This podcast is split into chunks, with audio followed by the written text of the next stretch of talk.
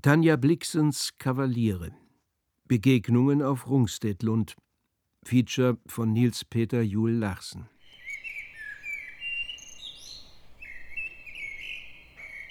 Die folgenden Aufnahmen entstanden im Sommer 1990 und sind einzigartig in ihrer Offenheit.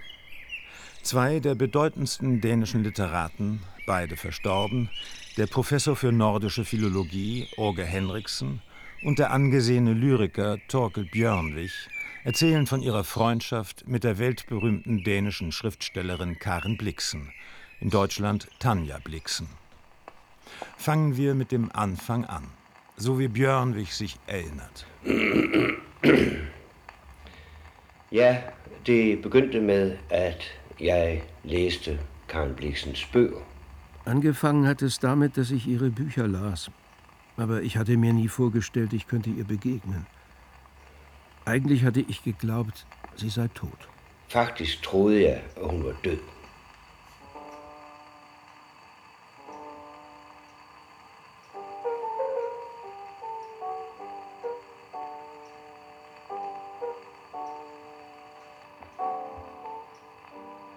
Tanja Blixen, die 17 Jahre lang auf einer Kaffeefarm in Kenia gelebt hatte, zuerst mit ihrem Mann und dann mit dem Großwildjäger Dennis Finch Hatton, musste 1931 ihre Farm in Afrika aufgeben und nach Dänemark zurückziehen, um sich eine neue Existenz aufzubauen.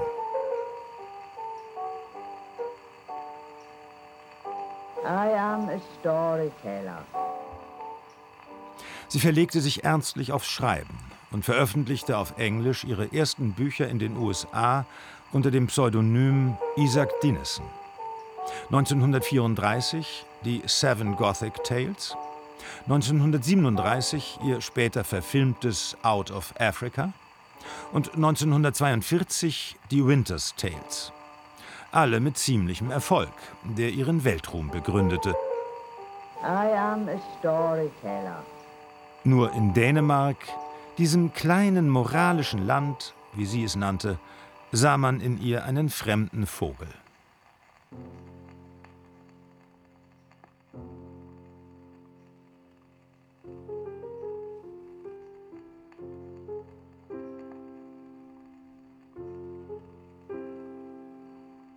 Sie sehnte sich nach ebenbürtiger Gesellschaft, die jedoch war schwer zu finden.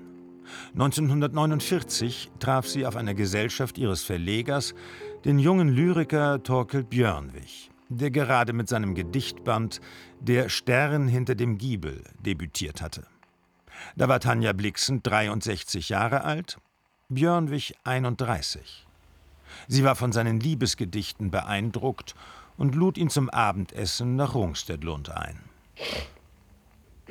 Ja, det var hende selv, der inviterede mig. Hun sagde, at hendes niece kom til Caritas. Hun havde læst øh, af den. Sie hatte ihm gesagt, ihre Nichte, die Comtesse Caritas, hätte seinen Gedichtband gelesen und wollte ihn kennenlernen. Er erinnert sich, wie sehr es ihn beeindruckte, dass er eine adlige Person treffen sollte. Så jeg var jo dybt betaget over at skulle møde sådan en persona, sådan en... en, øh, en Eine Comtesse. Verdammt, eine Comtesse. Pokker, altså. Komtesse for fanden. Komtesse. Wo kamen Sie her? Jeg var? Ja. Ja, hvad fanden jeg var? Jeg var Aarhusianer. Ja. det er jo ikke en baggrund. Nej, det er det ikke. Jeg var... Øh, hvad, hvad, Ich kam aus Aarhus, in Jütland. Altså. Ach Gott, mein Vater war Ingenieur und meine Mutter hatte ein Schreibbüro. Ich hatte nichts in dieser Richtung aufzuweisen. Björnwig hatte Comtesse Caritas als Tischdame. Sie beugte sich zu ihm hinüber und flüsterte: Tanja hat mich gebeten, ihren Gedichtband zu lesen, aber ich hatte keine Zeit. Das müssen Sie sehr entschuldigen. de meget undskylde. Ja, ich, ja, ich dachte, dass es ziemlich lustig war. So begann seine Freundschaft mit Tanja Blixen, mit einer frommen Lüge. In der folgenden Zeit lud sie ihn immer wieder nach Rungstedlund ein und ihre Freundschaft wuchs. Sie haben sich jedoch nie geduzt. Sie wollte mit Baroness angeredet werden und ihn nannte sie den Magister. Så vi havde nogle meget vidunderlige samtaler, og hun var uforlignelig i samtaler for mig. Wir hatten einige wunderbare Gespräche. Im Gespräch war sie einzigartig. Man konnte nie wissen, was sie sagen würde, aber wenn sie es gesagt hatte, da war es, als könnte es gar nicht anders sein.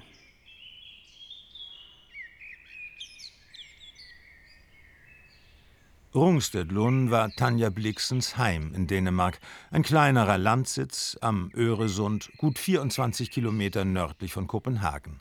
Jetzt Sitz der Dänischen Akademie und des Blixen-Museums. Umgeben von einem zum Teil unberührten 15 Hektar großen Park, sozusagen der Inbegriff eines dänischen Idylls. Von Frühling bis Herbst lieblich, im Winter grau und nackt. I am a storyteller. Tanja Blixen war die meiste Zeit ihres Lebens krank. Die Syphilis, ein Hochzeitsgeschenk von Bror Blixen, war zwar ausgeheilt, doch sie fürchtete, sie wäre ansteckend.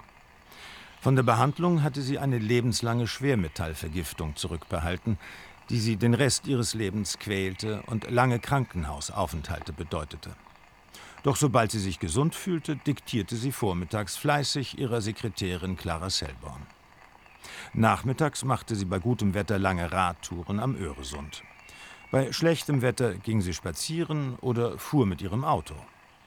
An den Abenden las sie oder hörte Musik auf ihrem Reisegrammophon, ein Geschenk ihres geliebten Dennis Finch Hatton in Afrika.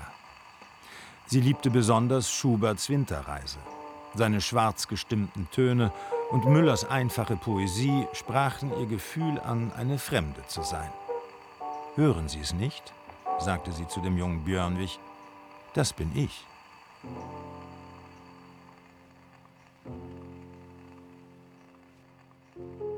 Andere Literaturinteressierte kamen zu ihr zu Besuch.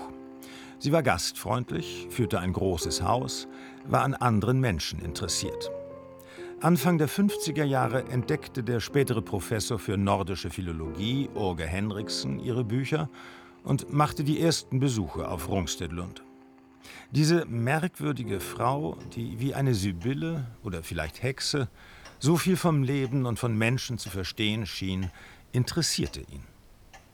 Aber eigentlich, so erinnert er sich an seine Besuche, war das meiste literarische Teekonversation, bis sie ihn plötzlich in tiefe Verwirrung stürzte. Pludselig en dag, så skete. Og hun satte en i mægtig sindsbevægelse.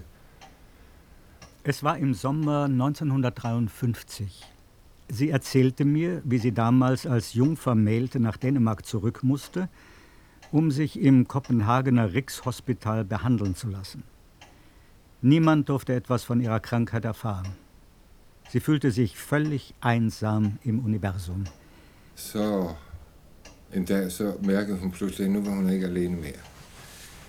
Og uh, der var en hos hende. Hans, det var djævlen, det var hans, hans sataniske majestæt. Es war der Teufel. Seine satanische Majestät kam zu ihr und tröstete sie und half ihr, sich in Ehren zu halten. Sie müssen begreifen, sagte sie, wie furchtbar es für eine junge Frau ist, nicht lieben und umarmen zu dürfen. Und da habe ich dem Teufel meine Seele versprochen. Und er versprach mir dafür, alles, was ich danach erlebte, würde zu einer Erzählung werden.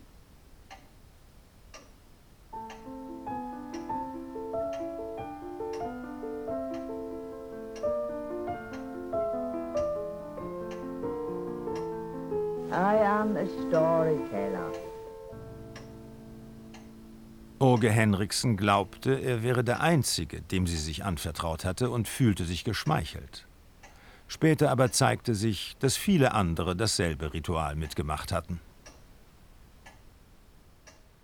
1974, zwölf Jahre nach Tanja Blixens Tod, veröffentlichte Björnwig den Bericht über seine Freundschaft mit Tanja Blixen unter dem Titel Der Pakt. Eine autobiografische Beschreibung der Beziehung zwischen dem jungen Lyriker und der alten Geschichtenerzählerin, die sehr gern mit ihren Mitmenschen spielte. Björnwig war jung, leicht zu beeinflussen, mit einem Hang zum poetischen Pathos. Er brannte lichterloh für die Dichtkunst, wie er es formuliert, und das Größte im Leben wäre für ihn gewesen, Hölderlin oder Rilke oder einem anderen Dichter zu begegnen, für die er schwärmte. Mein Traum war es, im Leben jemandem zu begegnen, der unendlich klüger war als ich. Und ich spürte, das war die Begegnung mit ihr. Und das war sie. Det var hun. Hun var altså bare meget klogere. Was ihr schwer fiel, war das Spiel zwischen ihrer Leidenschaft und ihrer Weisheit. Wenn die Leidenschaft sie packte, war die Weisheit vergessen. Aber sonst war sie weise. Wir hatten ein wunderbares Gespräch über, Ja, nun ja, das Leben, livet. den Kosmos, Kosmos. De store die großen Dichter, digter. Alt, hvad der er skønt og klogt og godt i livet. alles, was im Leben schön, klug und gut ist. Ein wunderbarer Dialog über die Geheimnisse des Lebens, über den Eros. Og så skrev jeg det her brev dybt betaget til hende. Darum schrieb ich ihr einen Brief. Man hat sich zu sehr daran gewöhnt, den Dichter als einen enttäuschenden, grauen Anhang seines Werks zu sehen. Bei Ihnen aber ist es umgekehrt. Das Werk ist ein strahlender Anhang Ihrer Person, Zepter, Apfel und Krone. Ich habe immer jemanden gesucht, dem ich dienen konnte, aber keinen gefunden. Lassen Sie mich Ihnen dienen in der Zeit, die noch bleibt. skrev jeg. Og øh, så fik jeg et brev fra hende, hvor i der stod, at, at hun havde haft en sin bedste vidunderlige tjener. Det var Farah fra farmen. Sie antwortete mit einem Brief, in dem stand, in Afrika hätte sie damals den wunderbarsten Diener gehabt, Farah, der Hofmeister auf ihrer Farm, und ich sollte jetzt an Farahs Stelle treten. Og nu skulle jeg sådan være lidt i Farahs sted. Sie schrieb, sie würde den Mantel um meine Schulter legen, so wie Elias den Elisa segnete, und würde mir drei Viertel ihres Geistes hinterlassen. Das machte ja doch mächtig Eindruck. Ganz so euphorisch, wie Björnwig es darstellt, war Tanja Blixens Antwort nun nicht. Die war nüchtern. Und Tanja Blixens Angebot, ihm drei Viertel ihres Geistes zu überlassen, ist von einer Ironie, die er nicht verstand. Überhaupt hatte er keinen Sinn für ihre Kühnheit, sondern nahm ihre Worte buchstäblich. Jedenfalls führte der Inhalt der beiden Briefe zu dem Pakt, wie Tanja Blixen es später nannte. Björnwig begriff ihn als Abmachung, wonach sie sich gegenseitig dienen und helfen sollten.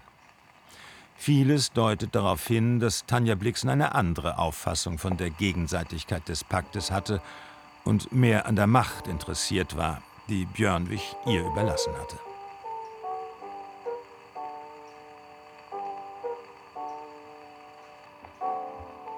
I am a storyteller. Einige Monate nach dem Pakt wollte sie, dass Björnwig nach Frankreich ging. Sie meinte, er müsste aus der dänischen Provinzialität heraus und französisches Geistesleben kennenlernen.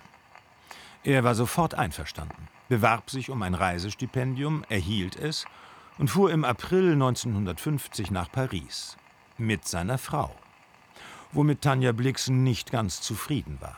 Schon gar nicht, als sein dreijähriger Sohn nach einigen Monaten hinterherkam.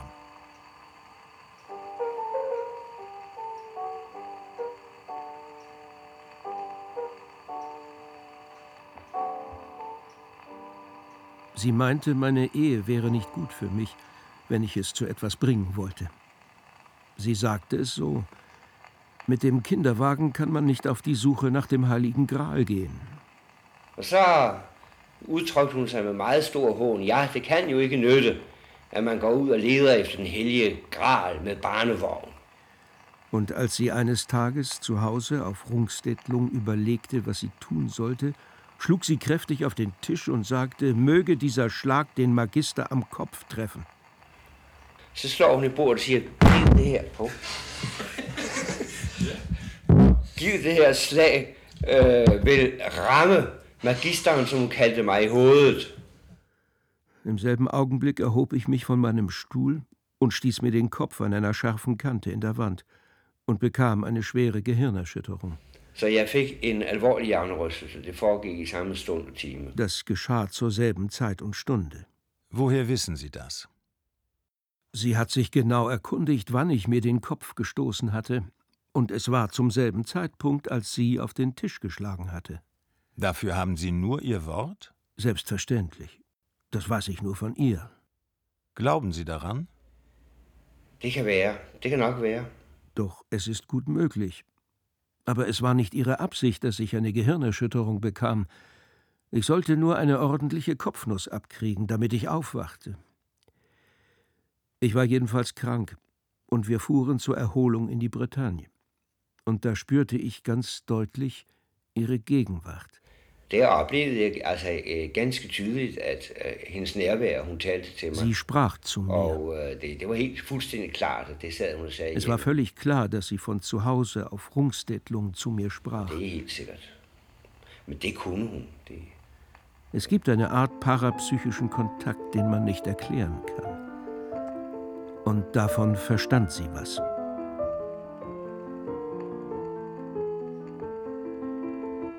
Professor Orge Henriksen erinnert sich an ein Ereignis, das sich acht Jahre später zutrug, im Februar 1958. Sie rief ihn an einem Sonntagnachmittag an und sagte, wenn Sie mich lebend sehen wollen, dann kommen Sie schnell. Er fuhr sofort nach Rungstettlund, wo er sie im Bett fand. Sie sprachen eine Weile über ihre Geschichte Der Mantel aus ihren letzten Erzählungen. Eine Geschichte, wo Henriksen zufolge dem Kopf eines jungen Mannes etwas Seltsames zustößt. Plötzlich bat sie ihn, er solle sich auf den Bettrand setzen. Kommen Sie, sagte sie. Og på et vist tidspunkt sagde hun, sagde hun, kom så. Und dann fasste sie mich am Nacken und drückte trotz ihrer Schwäche irgendwie furchtbar fest zu. På min nakke, hvor jeg sad afsindig akavet. Med hovedet sådan bare Ich saß wahnsinnig schief da. Danach glaubte ich, es hätte mir gut getan. Aber als ich am nächsten Morgen aufwachte, fühlte es sich an, als hätte ich einen Klumpen Pech im Nacken. Nu er altså 32 år siden. Har jeg betydelige smerter i nakken. In diesem Moment, da ich hier sitze, es ist 32 Jahre her, habe ich Nackenschmerzen. Die ganzen 32 Jahre habe ich seitdem Schmerzen gehabt und alle möglichen Behandlungen versucht. Es heißt, sie hätte mir den obersten Nackenwirbel ausgerenkt.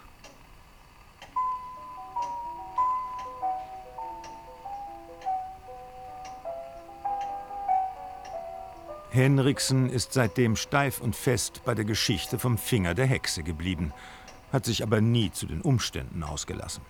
Warum sollte er sich zum Beispiel auf die Bettkante setzen? Warum fasste sie ihn um den Nacken? Man kann zwar darüber rätseln, aber alles spricht dafür, dass sie noch einen Kuss wollte, ehe sie starb. Henriksen wollte nicht und wehrte sich. Und dabei passierte irgendetwas Dummes. Aber warum daraus noch einen Mythos über ihre Hexenkünste machen? Men jeg så øh, da nu fordi I skulle komme kigge den her bog, Oge Henriksen steht in diesem Augenblick von dem Gespräch auf und kommt mit einem Buch zurück. Briefe aus Afrika 1914 bis 31. Er schlägt den Brief vom 25. März 1918 auf, wo sie schreibt, Ein alter arabischer Priester, der für seine Kunst berühmt ist, hat mir prophezeit, ein junger Mann von meinem Blut und Herzen sollte noch Könige übertreffen und ewig bekannt werden wie jene in den heiligen Büchern. Außerdem, ich hätte selbst eine ungeheure Macht über Menschen und könnte mit ihnen machen, was ich wolle. Denn ich sei furchtbar wie ein Löwe, der zum Sprung ansetzt. Ja, wie ein großes Heer mit vielen Bannern. Til jeg var frygtelig som en løve, der vil springe, ja, som en stor hær med mange bannere.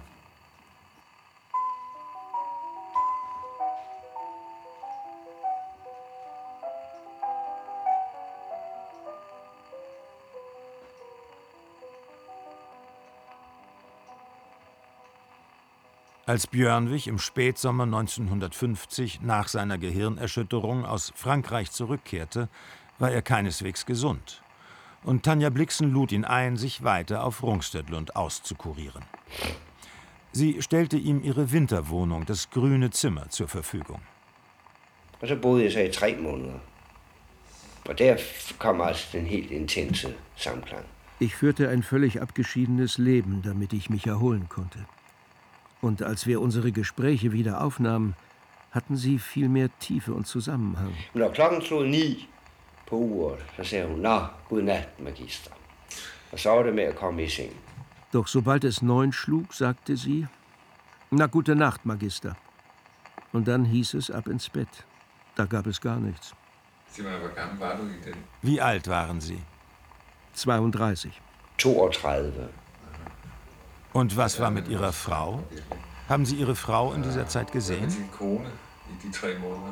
Ja, det må du nok sige. Ja, das ist eine gute Frage. Sie durfte mich nur gelegentlich besuchen, am besten aber nicht. Einmal hatte Tanja Blixen uns ein herrliches Abendessen gemacht. Aber Schlag neun rauscht sie zum Kuckuck nochmal zu uns rein, wirft meine Frau raus und mich ins Bett. Doch wir hatten eine wunderbare Zeit. Und ich habe ein ganz großes Gedicht geschrieben, Das Haus der Kindheit. Es handelt von meiner Kindheit, die langsam wuchs,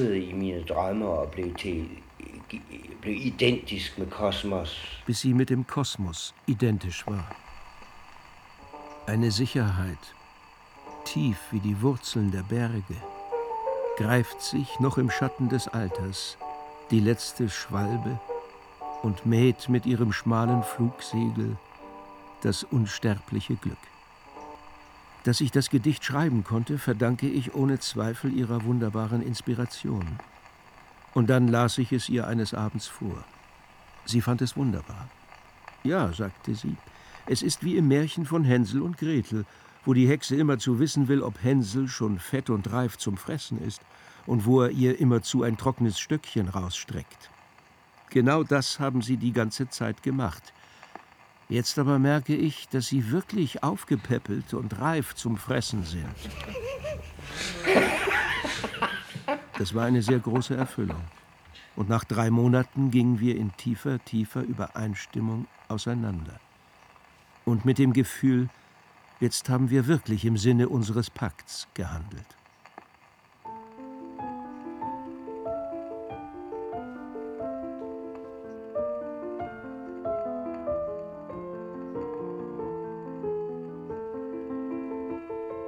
Henriksen war davon überzeugt, dass Tanja Blixen besondere Gaben hatte.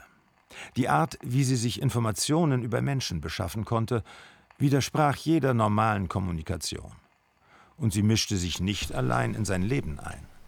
Sie versuchte, ihn in einen Text zu verwandeln. Sie wollte seine ziemlich armselige Gestalt, die er abgab, zerstören, weil sie in ihm Möglichkeiten sah und wollte ihn nach dem Motto entwickeln, nur die harten Dinge, die geben Klang. Ikke? Sie versuchte ständig, uns zu ändern, uns den Boden unter den Füßen wegzuziehen. Es kann zweifellos fruchtbar sein, den Boden unter den Füßen zu verlieren.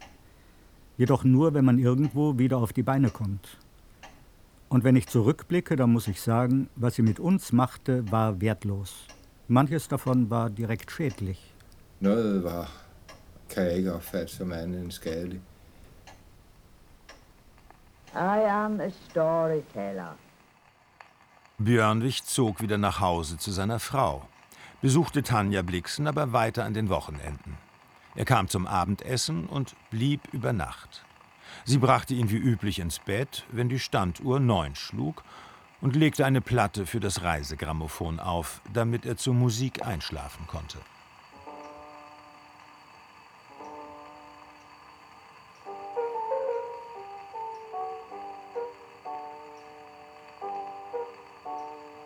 Das Reisegrammophon hatte sie von Dennis Finch Hatton.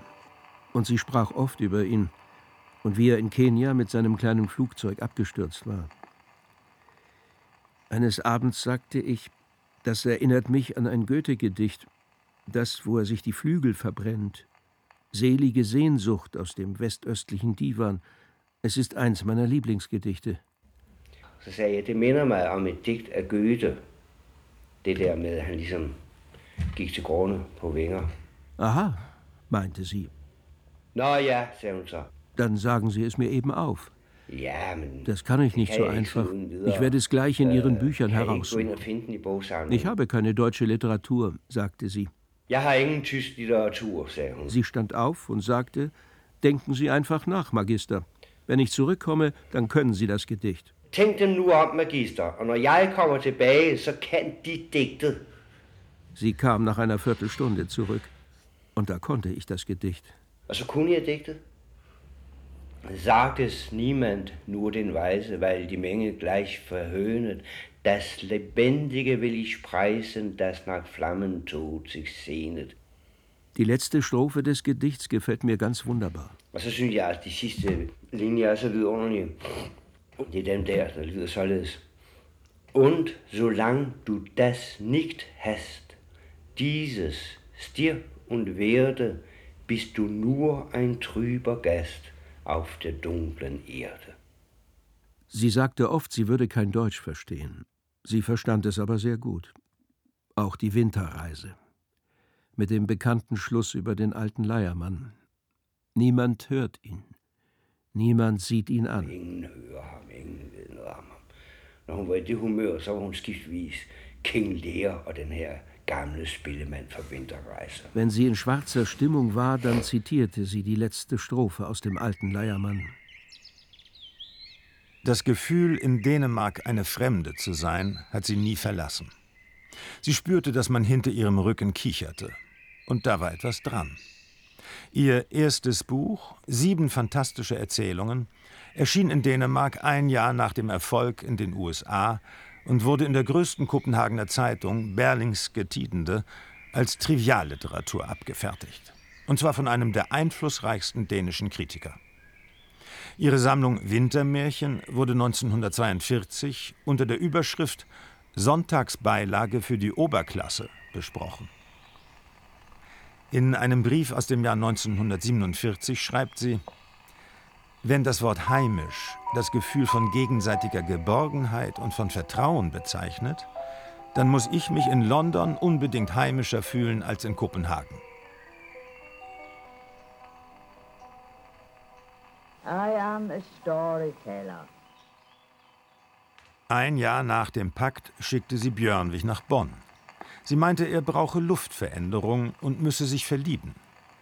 Er sollte die große Leidenschaft erleben. Jeg skulle komme ud i en stor forelskelse, for det mente hun også, jeg trængte. Und das passierte, als ich mich in Bonn aufhielt. Ich erzählte ihr nach meiner Rückkehr davon. Sie ist wunderbar. Wunderbarer als jede andere Frau, die ich kannte. Als sie ankam, waren wir Freunde. Aber jetzt sind wir Liebende. Unsere Tage vergingen wie das hohe Lied. Wir wanderten im Siebengebirge, am Rhein entlang. Wir tranken Wein und tanzten in den kleinen Tanzlokalen am Flussufer. Aber wir haben die Grenze nicht überschritten. Ich hatte gedacht, ich hätte ihre Unterstützung. Aber nein, sie wurde furchtbar wütend. Sie machte auch meine Geliebte herunter, und das konnte ich mir nicht bieten lassen. Hun blev rasende over, at jeg havde forelsket mig. Og det kom jo fuldstændig bag på mig. Manchmal tat sie es so lustig, dass ich lachen musste, aber es machte mich rasend. Ich glaube, sie hatte nicht gedacht, sie könnte eifersüchtig werden. Aber ich würde sagen, sie war auf einmal die eifersüchtige Kupplerin. In Wirklichkeit wollte sie, dass ich meine Frau und meine Geliebte verlasse. Jeg måtte i virkeligheden ikke have andre. i verden end hende. Det var meningen med mit liv. Det huske, jeg Franz Werfel. Ich zitierte Franz Werfel, seinen Stern der Ungeborenen, wo er schreibt, Gott sagt den ältesten und erfahrensten Seelen, sie sollen nicht ihrer Familie gehören, sie sollen nicht ihren Freunden gehören, sie sollen nicht ihrer Arbeit gehören, sie sollen nicht ihren Eltern gehören, sie sollen keinem anderen gehören als Gott. Sie bat mich, es aufzuschreiben. Und dann strich sie die Stelle, wo Gott stand, und schrieb mir. Mig. Nur ihr allein sollte ich gehören. Mig. Björnwig ist nicht ganz ehrlich. Er sagt nicht, dass die Frau, in die er sich verliebt hatte, mit einem seiner besten Freunde verheiratet war. Vielleicht war Tanja Blixen eifersüchtig, aber sie war auch ein ordentlicher Mensch, der wusste, dass man manche Regeln im Leben nicht brechen soll. Besonders soll man die Finger von den Frauen seiner Freunde und den Männern seiner Freundinnen lassen.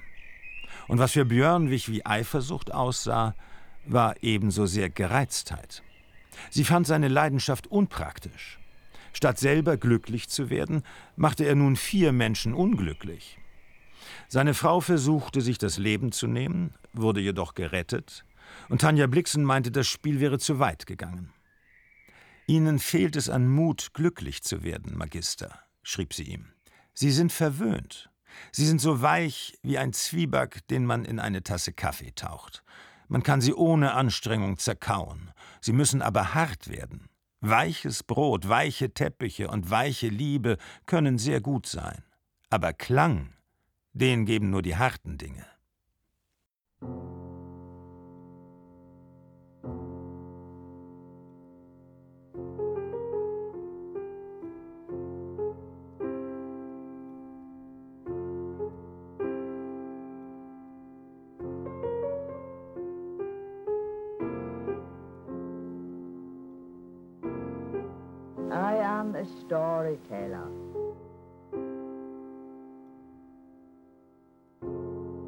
Die Freundschaft bekam Risse.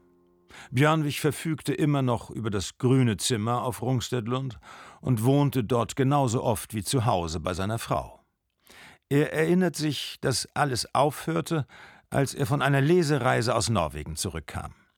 Er unterhielt sich mit Tanja Blixen, als sie ihm plötzlich einen Brief vorlegte und fragte, was das war. Es war ein Brief, den seine Frau ihm geliehen hatte.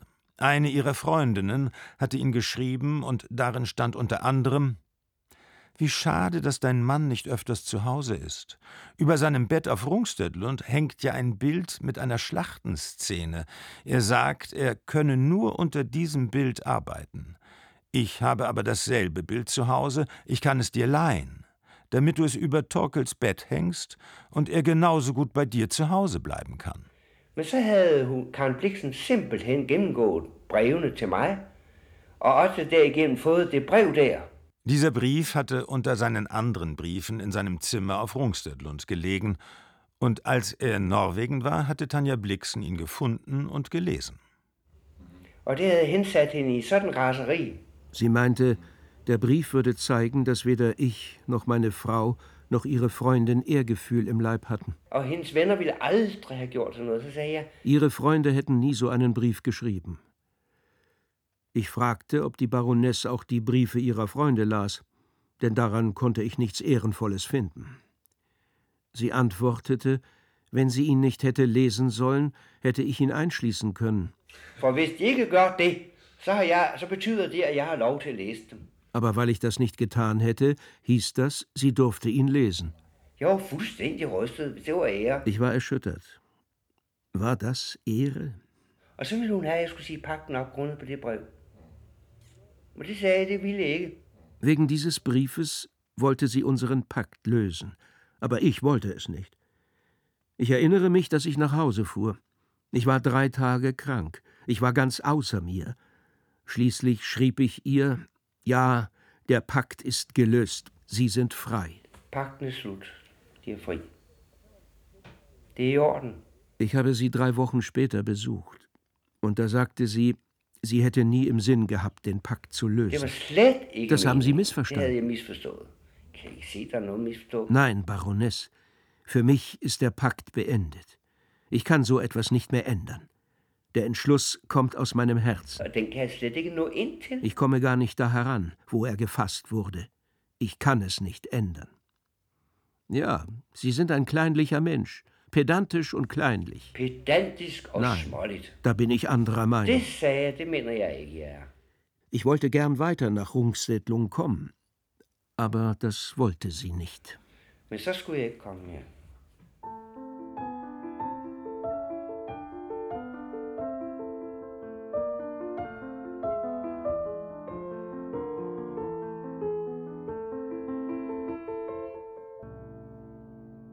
Man kann sich fragen, was Björnwig, Henriksen und andere junge Bewunderer so angezogen hatte. War es ihre Persönlichkeit? War es ihr Weltruhm? War es beides? Oge Henriksen kann nur so viel sagen, dass es ihn nicht im mindesten interessiert hätte, wenn ihm eine andere ältere Dame aus Rungstedt von ihrer Syphilis erzählt hätte. In diesem Sinne war es ihre Berühmtheit.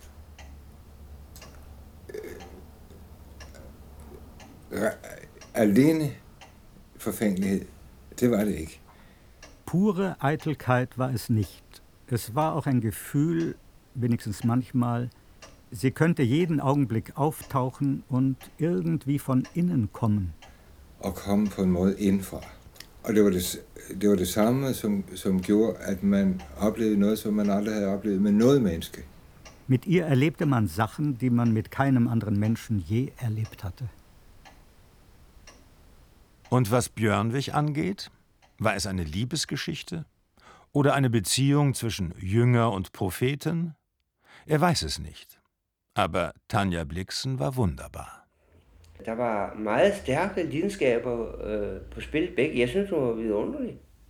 Bei uns beiden war eine große Leidenschaft im Spiel. Ihr war es sicher viel bewusster als mir, denn ich erinnere mich an eine Aussprache, da sagte sie, ich müsste nur 25 Jahre jünger sein, und dann würden wir beide nach Venedig fahren, und dann wäre die Sache klar.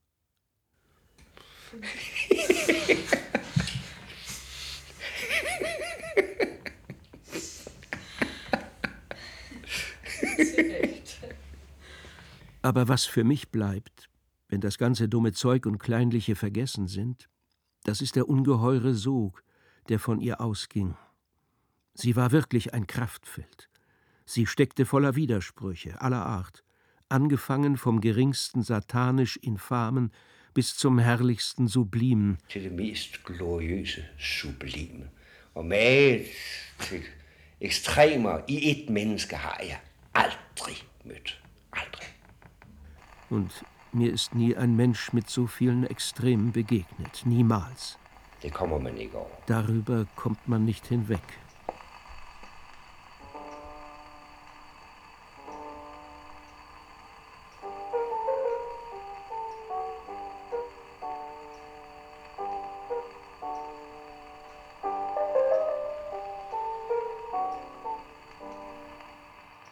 Tanja Blixen war weltberühmt, einsam und krank. Ihr ganzes Leben lang hatte sie Afrika vermisst. Mein Herz liegt in Gong Hills begraben, schrieb sie 1932 an einen Freund. Hier lebe ich nur eine Art Schattendasein.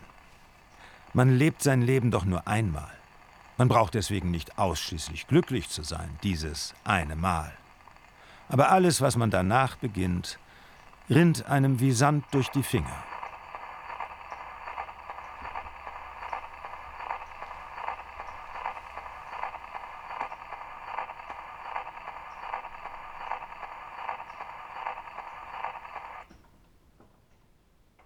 Tanja Blixens Kavaliere.